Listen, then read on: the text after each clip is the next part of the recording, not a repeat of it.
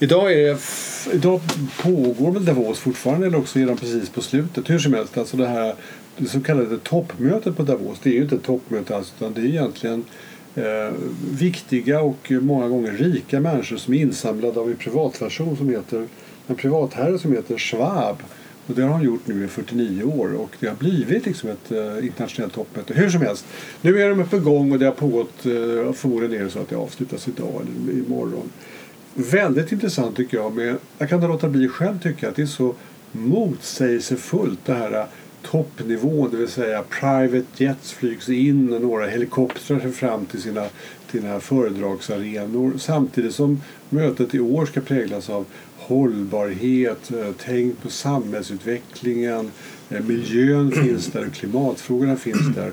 Men nu måste vi tänka på det också, vi som leder och styr världen. Eh, Det här att åka helikopter fram till scenen och omge sig med ett jättelikt entourage som reser över hela världen blir väldigt motsägelsefullt. Då kan man ju tycka att det här Gretas sätt att liksom åka enkel segelbåt och kanske cykla fram är liksom på något sätt mer tilltalande. Det stämmer bättre med vad han säger. I Schweiz finns det dessutom tåg som fungerar. Ja, så där, där kan man ju faktiskt åka, Åka tåg, tåg, och med, med viss, viss behållning. Ja.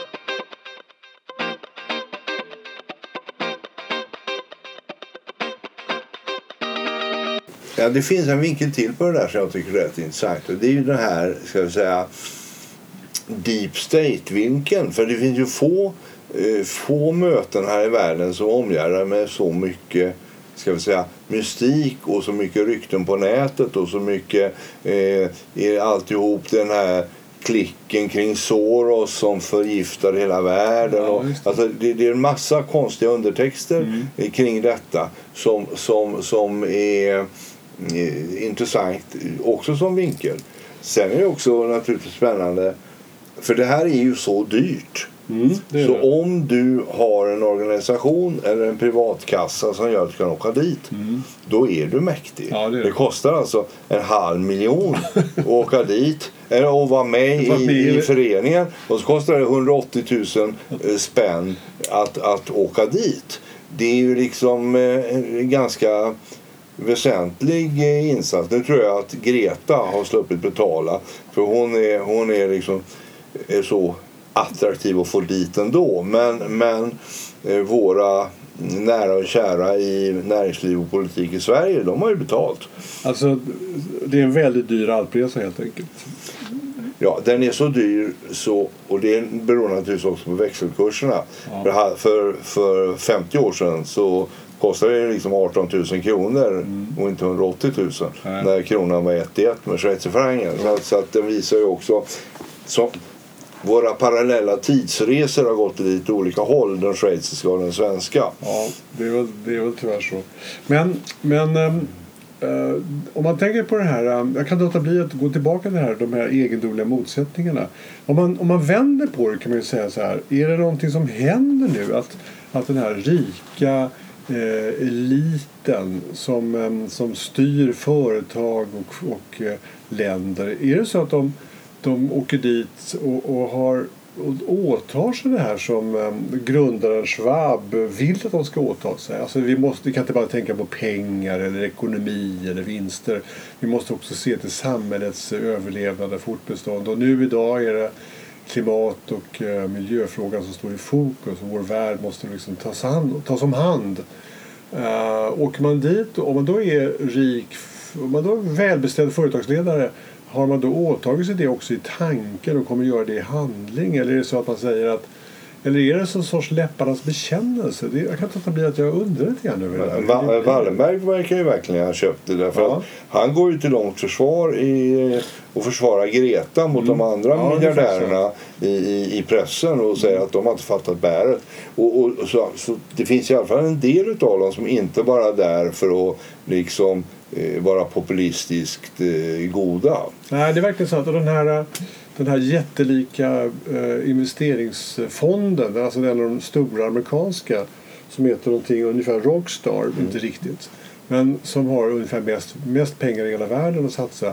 Där man plötsligt gick ut i traktat just innan man skulle åka till Davos och säga att vi kan inte bara vi kan inte bara satsa pengar oavsett, oavsett, utan att veta vad pengarna används till. Och vi tycker inte att man ska satsa pengar längre i, i sånt som håller på med fossila Blackstone, Blackstone har ju gått ut med, med, med ett regelverk Precis. när det gäller hållbara investeringar. Ja, ja. Och det är ju rätt intressant. Och så såg jag idag att det var någon annan sån här finansinstitution som eh, sa det att om inte deras eh, ska säga, deltagande företag eh, blir mer jämställda när det gäller mm. kvinnor och så mm. vidare så ska de inte få några pengar. Så, så att det, det finns naturligtvis en rörelse i den centrala kapitalismen eh, till någon form av samhällsanpassning. Och det är ju inte att förvåna därför att eh, det är ju ingen tvekan om att de rikaste har blivit extremt mycket rikare.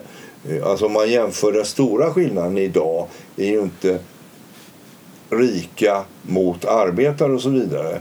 Utan den stora skillnaden idag det är ju den enorma skillnad som har blivit mellan den anställda eliten, mm. verkställande direktörer likställda och ägarna. Mm. För, för alltså, om man tänker tillbaka för 30 år sedan så, så var det mer jämställt. Även om owning is everything så var det mer jämställt inom situationstecken mellan ägare och verkställande direktörer ja. än det är idag. Ja, det är sant. Men um, det, det jag undrar är, om man, om man tittar på det hela spektaklet, man får kalla det så, med, med Greta Thunbergs ögon, då skulle man kunna säga så här Uh, ja, ja, de pratar, de vill mer, de skriver traktat om hållbarhet och sådana saker.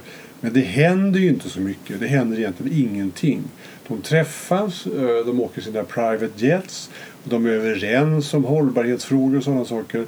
Men när det väl kommer till kritan så ser vi att det släpps ut fortfarande mer och mer koldioxid i luften och det är farligt. Så skulle det vara. Alltså kan vi inte tro på det de säger. Det är ett sätt att betrakta det hela. Ja. Men å andra sidan så till och med med Trump då som är tillskyndare till kolkraft så har man lagt ner gruvor, kolgruvor i USA och man har stängt kolkraftverk i USA i en takt som var helt oförutsedd tio, för tio år sedan. Ja, han och, hade alltså, inte tänkt sig det. Nej, nej, han, han, han, och det beror ju helt enkelt på att det har visat sig att det finns många. Det har varit ekonomiskt tveksamt. Det finns många som tänker på, på, eh, på utvecklingen och hållbarheten och så vidare eh, oavsett Trump. Och så lite positiva rörelser finns det ju ändå i världen. Det, det måste man säga. Även om eliten är ganska egoistisk. Ja, men jag menar inte att Greta Thunberg hade rätt. Jag bara menar att man tillfälligtvis skulle titta med, med hennes ögon på det hela. Därför att, för att om man vänder på det, om man tittar på ett annat sätt mm. så är det ju kanske som du säger då att, att ska det visa sig då egendomligt nog att det kapitalistiska systemet är så extremt flexibelt så att det till och med kan hantera denna mycket, mycket allvarliga globala fråga. Ja, uppenbarligen bättre än statskapitalismen i Kina i alla ja, fall. Det, jo, jo. Men, men jag är optimist när det gäller det. För det är klart att när man börjar efterfråga någonting annat då slår det ju igenom direkt i hela den ekonomiska kedjan. Så det är ingen tvekan om att om folk slutar göra saker och börjar göra andra saker då slår det igenom. Och, ja. och, och det slår igenom på kapitalismen för kapitalisten är ju inte där för att tjäna pengar. Visst. Han är ju inte romantiskt bunden till kol om han inte just äger en kolgruva. Mm. Ja men visst. Uh, sen kan jag väl tänka mig att det som eh, grundaren Schwab då efterfrågar det här med att vi ska vara mer samhälleliga och hållbara.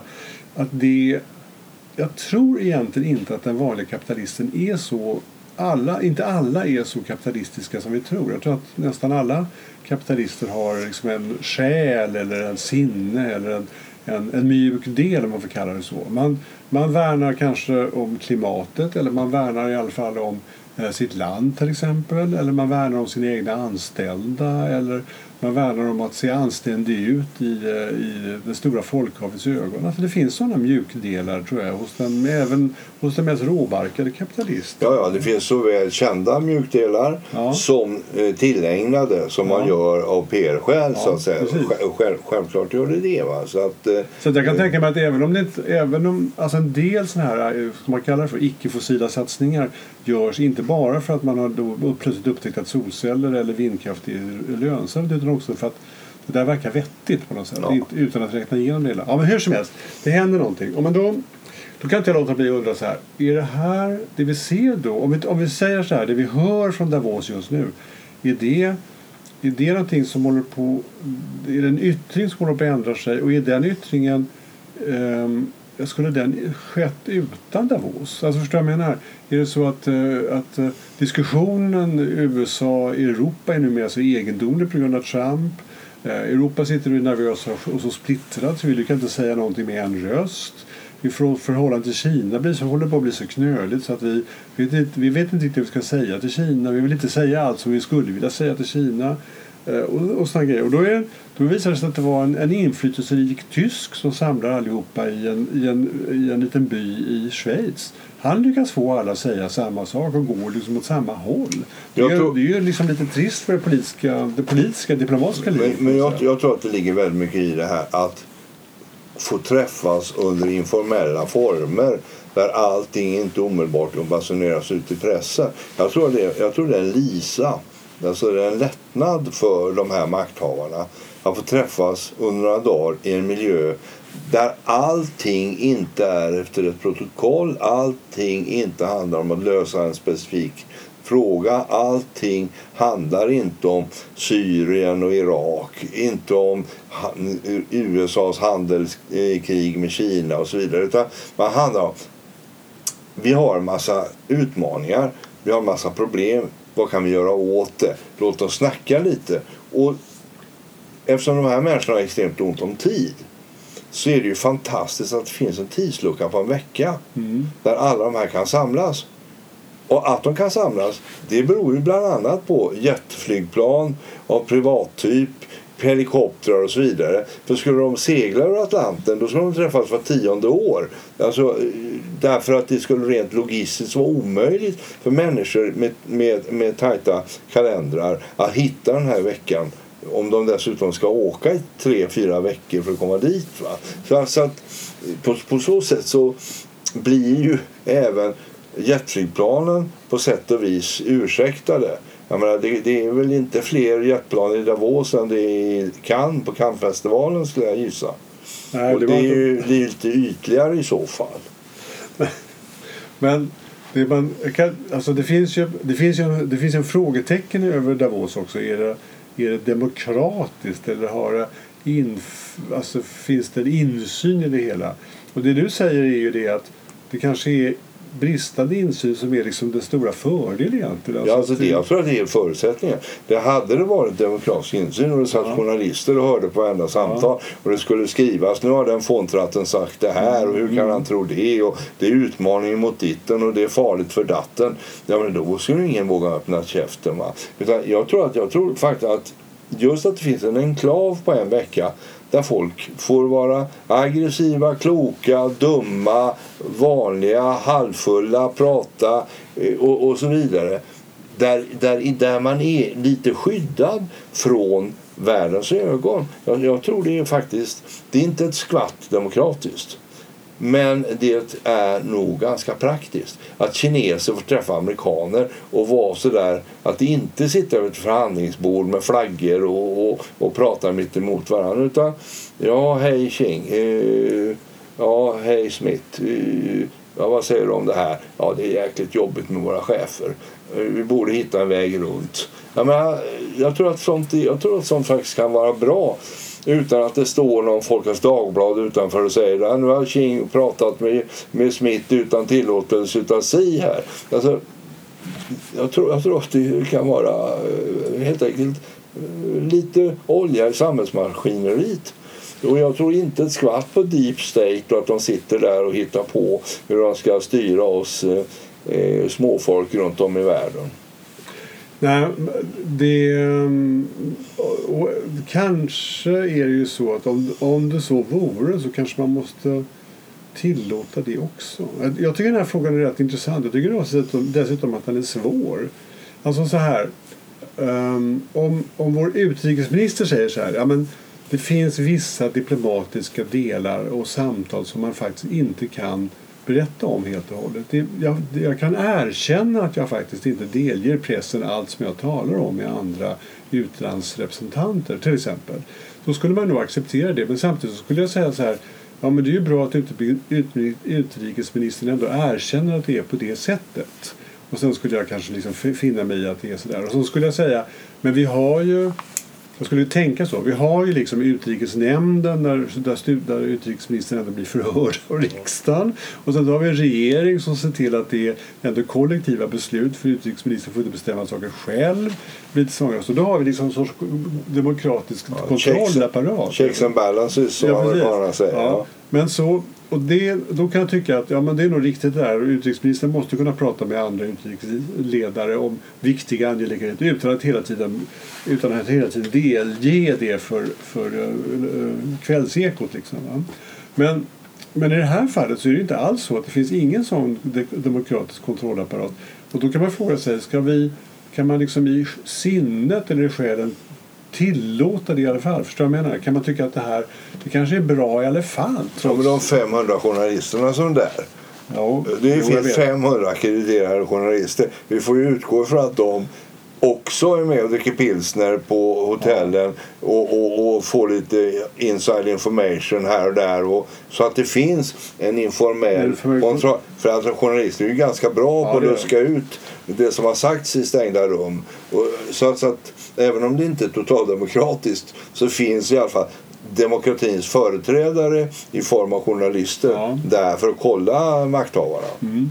Och jag, och jag, alltså jag skulle till och med kunna gå med på att det finns väl, det finns väl tillfällen där där eh, det slutna samtalet kan vara av värde utan någon som helst kontrollapparat. Även om man inte riktigt vet hur det skulle kunna vara. Men jag kan tänka mig att det skulle kunna ja, vara. Ja, men vi har ett atomparaplyavtal med amerikanerna mm. som ingen vet om det finns. Nej. Mer än de som vet det. Ja. Och ingen vet vem som skrev på mer än de som vet det. Mm. Och alla vet att det har funnits. Och och sen finns det de som säger att det inte finns, finns det de som säger att det finns. Men då är det, ändå, då är det i alla fall representanter från den vanliga svenska regeringen som är inblandade. Ja, det är det. Det är ju Palme och Erlander så att det är ju fint folk. Ja, men i det här fallet är ju uh, Davos är det faktiskt in, inte så. Ja, den, den, jag, jag, tycker frågan är intressant. Jag kan inte hävda vare sig det ena eller Men om, om man vänder på det Vad skulle de kunna bestämma i Davos? Som skulle kunna ha ett ordentligt genomslag på den negativa sidan för världens befolkning. Ja, Vad tänk, skulle de kunna, alltså, om, om man vänder på kuttingen. Okej, okay, de har blivit lite eh, tillvända nu. De har fått tillsägelse och, bli, och se på hållbarhet mm. och sånt. Eh, vilket har eh, lett till viss löje på ledarsidan mm. i Dagens Industri. Men, men om man vänder på vad skulle de kunna... Jag menar, de kan ju inte bestämma och kontrollera oss. De kan inte bestämma oss... Alltså, de kan bara bestämma inom sina respektive områden. Och om Kina och USA hittar på något kuckelure i Davos så skulle det vara känt eh, 12 timmar senare. Definitivt så. Men det jag menar är så här. Om man, jag, jag, jag, vet, jag verkligen tycker att Davos i sin nuvarande skepnad har känns bra. Så att det är inte riktigt det jag riktar kritik mot. Men jag kan ändå tänka mig att den typen av diskussion förutsatt att det kanske är, det kanske är, allt, det kanske är eh, Davos 2 som startas i Shanghai istället då för, för centrum liksom i Asien för det där är ju bara västerlänningar i Davos. Nu ska vi ha ja, men de har ju kontor i Shanghai. De har ju kontor. Ja men förlåt jag menar liksom ett nytt som är liksom Kina-baserat ja, ja, eller, ja. eller något sånt där. Och sen säger man att ja, men vi har som vanligt, precis som i Davos, så har vi naturligtvis slutna diskussioner. Och så är man inte lika noga med att bjuda in pressen. Vi blir inte in pressen alls. Vi har, viktiga, vi har viktiga, viktiga överläggningar och då har vi, vi viktiga personer här. Och sen börjar det dyka upp saker som att man man säger så här, hela den här hållbarhetsdiskussionen är av, av ondo. Den skadar företagen. Vi måste gå tillbaka till det gamla vanliga. Företagen ska ge vinst. Vi, vi kan inte hålla på att vara samhällsmedborgare. Vi ska betala vår skatt ordentligt. Och, och så börjar det sprida sig. Och då skulle man kunna säga så här, var det där verkligen så himla bra? Det kanske företagen plötsligt så lämnar de sin samhällsroll och blir mer mer bara profithungriga och, och börjar hävda. Företagsledare inspireras mer och mer åt det hållet. Ja, men, men Davos har ju gått i precis tvärtom ja. riktning. För det inleddes ju för 50 år sedan då för att sega europeiska företagare Visst. skulle lära sig lite mer amerikanskt sätt att tänka. Ja. Och det såg den här tyske professorn i nationalekonomi till att de fick ett forum. Mm. Men sen har ju det här forumet eh, det har ju utvecklats mer och mer från företagsekonomi Ja. till geopolitik. Ja. Och, och, och det beror ju på att de här rika, mäktiga människorna har faktiskt tänkt att Ja. det är bra att ha ett, ett forum där vi kan snacka om stora frågor Ja, och inte visst. bara om hur Absolut vi ska så. köpa varandra. Absolut så. Absolut så. Men det jag menar är att man skulle kunna tänka sig en, en, um, ett alternativ Davos som ändå där slutenheten liksom, alltså, där man, alltså principen blir så här. Slutenheten gör, eller förlåt, diskussionen går åt ett håll som inte är västerländsk eller liberal eller samhällsinriktad eller öppen utan innehåller en massa andra obehagligheter alltså främlingsfientlig eller bara eh, liksom grövre kapitalism eller, eller eh, man, man struntar i eh, resurshållning och sådana saker. Va? skulle inte förvåna mig ett ögonblick om inte det har för, försökt. Skulle inte förvåna mig ett, under, ett ögonblick om inte eh, till exempel eh, kinesiska vetenskapsakademin har försökt att ställa till den typen av symposier. Mm. Eller eh, det statliga rådet för internationell samverkan i Moskva. Mm. Eller, eller, ja, men alltså, eller, eller Kalikulas rika förening. Jag menar, det, det skulle inte förvåna mig ett dugg om man har försökt göra sådana saker. Men man har inte fått någon genomslag för det. Nej. Inte ännu. Och ingen åker dit frivilligt och, och talar om det så att säga och betalar en halv miljon för det. Nej, men, men, men ska vi därmed tro att de, det västerländska, för det får man ändå erkänna att Davos är ett västerländskt projekt. Alltså det finns ju det finns ju öppenhet av, av en viss typ i alla fall. Va? Så är det ju ändå, det är ju inte så himla hemlighetsfullt. Nej, nej, det är ett liberalt projekt. Ja, det är det. Och, då, och det vi, tankarna är ju liberala också. Det ska, det ska inte vara statskapitalism utan det ska vara men frihetskapitalism. det som jag tycker är, är lite läskigt med Davos det är det när man, när man läser om den här typen av möten på nätet, framförallt från amerikanska skribenter. Av, alltså det finns ju en, en, en kultur av misstro mot allt och alla i Amerika som är väldigt stark. Och man läser väldigt mycket om det här med deep state och allting går ut på att lura oss och, och frimurarna styr världen med hemliga formler och är det inte frimurarna så är det Soros och är det inte Soros så är det katolska kyrkan och är det inte katolska kyrkan så är det eh, vad det nu heter det här som Dan Brown skriver om. Ja, och är det inte det så är det kommunisterna och är det inte kommunisterna så är det kineserna. Alltså, det, det, alltså en, en oändlig flod av misstro. Ja. Och det undrar jag. Alltså det är en annan fråga i och för sig. Inte riktigt med Davos att göra. Men, men vad är det som gör att folk älskar att tro att alla lurar dem? Ja, det, den är konstig. Men, men om man fortsätter med Davos, det är klart att då, då har ju, innehåller Davos eh, mötet många sådana in- ingredienser som skulle ge upphov till den typen av, eller förstärka den typen av, eh, av eh, tankegångar. Ja, alla vi som inte får komma dit, vi blir naturligtvis nyfikna. Precis. Ja. Och, och det här att det är säkert så att man, man, man bjuder in vissa och inte andra. Ja. Eh, de hemliga rummen, där pågår det massa saker som vi naturligtvis inte alls får reda på. De här presskonferenserna är egentligen bara yttre sken av öppenhet och det, det är de inte alls. För det, här, det bestäms saker där bakom som är mycket, mycket viktigare och som inte sägs alls och så vidare. Och så vidare. Men visst, många sådana saker som är som, är, som kan liksom förstärka tanken på att det pågår en konspiration egentligen och såna här saker. Absolut så. Och bara det att det kommer, kanske också att det kommer från, eh, ska man säga, Mm, det, det, vad ska man kalla det för? Det, det traditionella mellaneuropeiska hållet. Ja. Bara det finns det anledning att, eh, att göra Men man är det inte det. väldigt skönt att det finns en stor internationell ska vi säga, händelse som inte är anglosaxisk eller Jo, kinesisk? det. Alltså bara det att det tysk nationalekonom som gör någonting i Schweiz. Det är ju i sig Ja, ja, nästan fantastiskt. Ja. För engelsmän och amerikaner de hatar ju saker som inte de själva har hittat på. Ja. Men, höra engelsmän prata om Nobelpriset är ju ganska upplysande i den, den grenen. Och, och jag, jag måste säga att det tycker jag, det tycker jag är bra. Sen finns ju också det här med hemlighetsfullheten. Är det någon som vet vad de snackar om i Bryssel?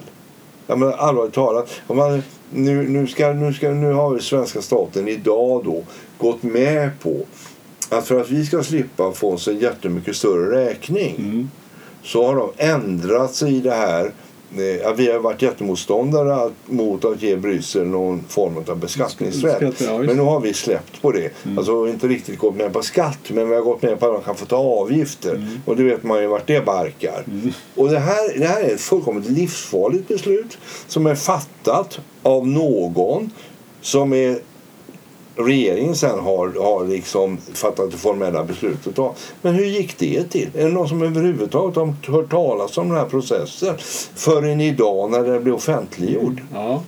Alltså, det, det är minst lika dolt, odemokratiskt och konstigt som ja. någonsin något som kommer fram i Davos. Ja. Dessutom påverkar den oss direkt. Ja, det gör det. Men, men det, jag, jag vill inte hävda att uh, det eventuella hemlighetsmakeriet i Davos är skadligt. För jag, jag tror, innerst inne tror inte jag det. Alltså. det. Utan det konstiga är bara att, att det finns andra konspirationsteoretiker som inbillar sig att det är på det sättet. Att det finns någonting bakom där som gör att det, ja, det, är väl det här skadar oss. Längtan efter den store onde. Att det ska sitta en Goldfinger någonstans bakom ett skrivbord och ratta mänskligheten så att säga. Eh, James Bond-skurken så att säga. Och att han sen ofta bor i ett berg i Schweiz. Det, kanske har en symbolisk, symbolisk koppling också. Är det religiöst kan inte jag låta bli att undra. Är det så att det här eh, bilden av, av djävulen och helvetet att den liksom leder oss hela tiden när vi ser på på världen och människan och mänskligheten. Att liksom här, för den är väldigt svartvit egentligen. Det finns en gud som är uppåt och så finns det en hemsk varelse som bor neråt. Ja, det, det där är väldigt intressant. För, därför att ibland så tycker man ju det att mänskligheten är ska säga, nästan romantiskt fascinerad av ja. sin egen undergång. Ja. Och sen så kanske det är så att det blir en enklare världsbild. Om det inte är vårt kollektiva ska säga, medvetande som driver oss en massa osaliga riktningar och det mm. blir första och andra världskrig och sånt. Utan att det finns folk som rattar det hela. Mm. För skulle man ta bort de här gubbarna som rattar då skulle allting bli bra. Så att det finns en religiös mm. religiöst liknande vinkel på det här. Det, det och det ser man när man läser de här texterna på nätet från mm. de här alltså, gubbarna som går med automatkarbin ja. i, i mellanvästern. Mm. Så, så, så det är ofta en religiös ton i det. Mm.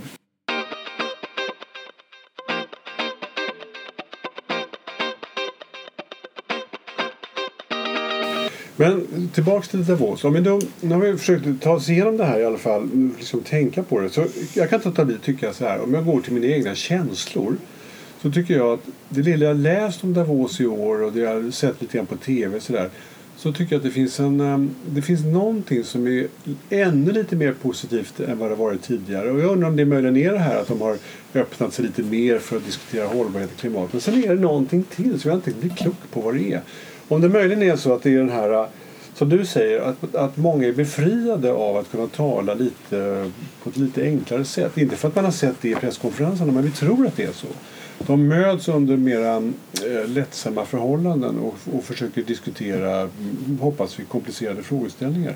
För att om man jämför med det som du just nämnde, EU eller om vi jämför med EU eller Sveriges förhållande till vår granne på andra sidan havet, eh, USA, för att tala om hur vi tror att det är i Kina, så är ju plötsligt det här Davosmötet blir väldigt någon sorts lättsamhet över det hela. Man pratar om väldigt viktiga och allvarliga saker men under på något sätt former som gör att man kan liksom nästan vara överens eller tycka likadant eller utbyta saker och ting med ja. varandra. Och, och framförallt, man måste inte ha färdiga slutsatser. Va? Nej, man tillåter va tanken att vandra. Ja, det. det. blir en intellektuell process. Det blir inte att man träffas och så har man nästan eh, klara utgångspunkter och så har man sin kompromissgräns fastlagd och så pratar man utifrån det som någon slags tennismatch.